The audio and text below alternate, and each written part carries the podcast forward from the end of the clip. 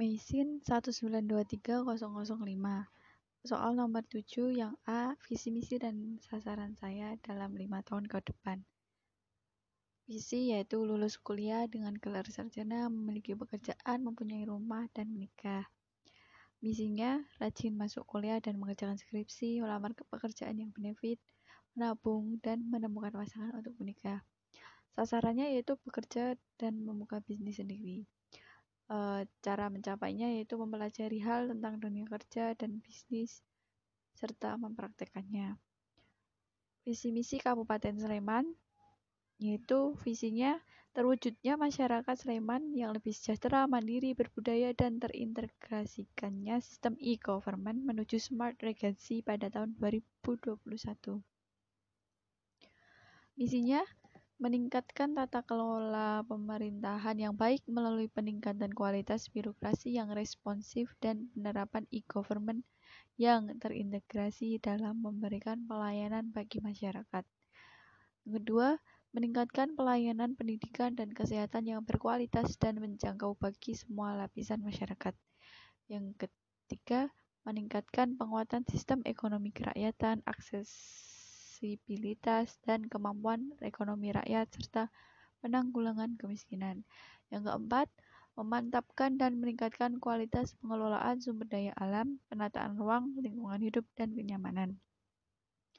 Yang kelima, meningkatkan kualitas budaya masyarakat dan kesetaraan gender yang proporsional. Sasarannya yaitu meningkatkan meningkatnya kualitas SDM, meningkatnya pelayanan masyarakat, meningkatnya kualitas pendidikan, meningkatkan pertumbuhan ekonomi.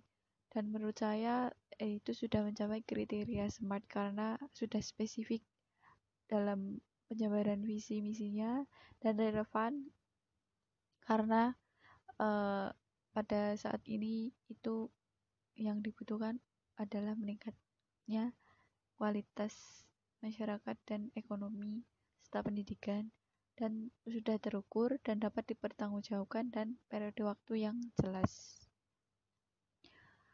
Yang C yaitu monitoring dan evaluasi pembangunan. Monitoring adalah fungsi manajemen yang dilakukan pada saat kegiatan sedang berlangsung, mencakup aspek-aspek antara lain penelusuran pelaksanaan kegiatan dan keluarannya, pelaporan tentang kemajuan, identifikasi masalah-masalah pengelolaan dan pelaksanaan. Evaluasi yaitu proses menentukan nilai atau pentingnya suatu kegiatan, kebijakan, atau program, yaitu sebuah penilaian yang objektif dan sistematik terhadap sebuah intervensi yang direncanakan sedang berlangsung ataupun yang telah diselesaikan. Mengapa perlu monitoring dan evaluasi?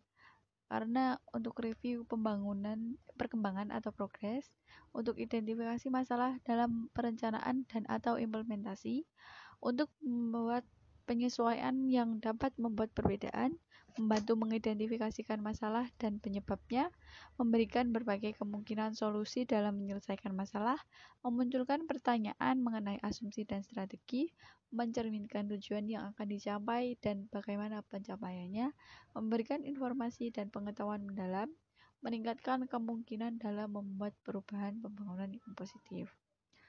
Penjelasan gambar tersebut yaitu untuk mencapai kinerja yang bagus, harus ada unsur visi, misi, strat sasaran strategis, kebijakan, dan program.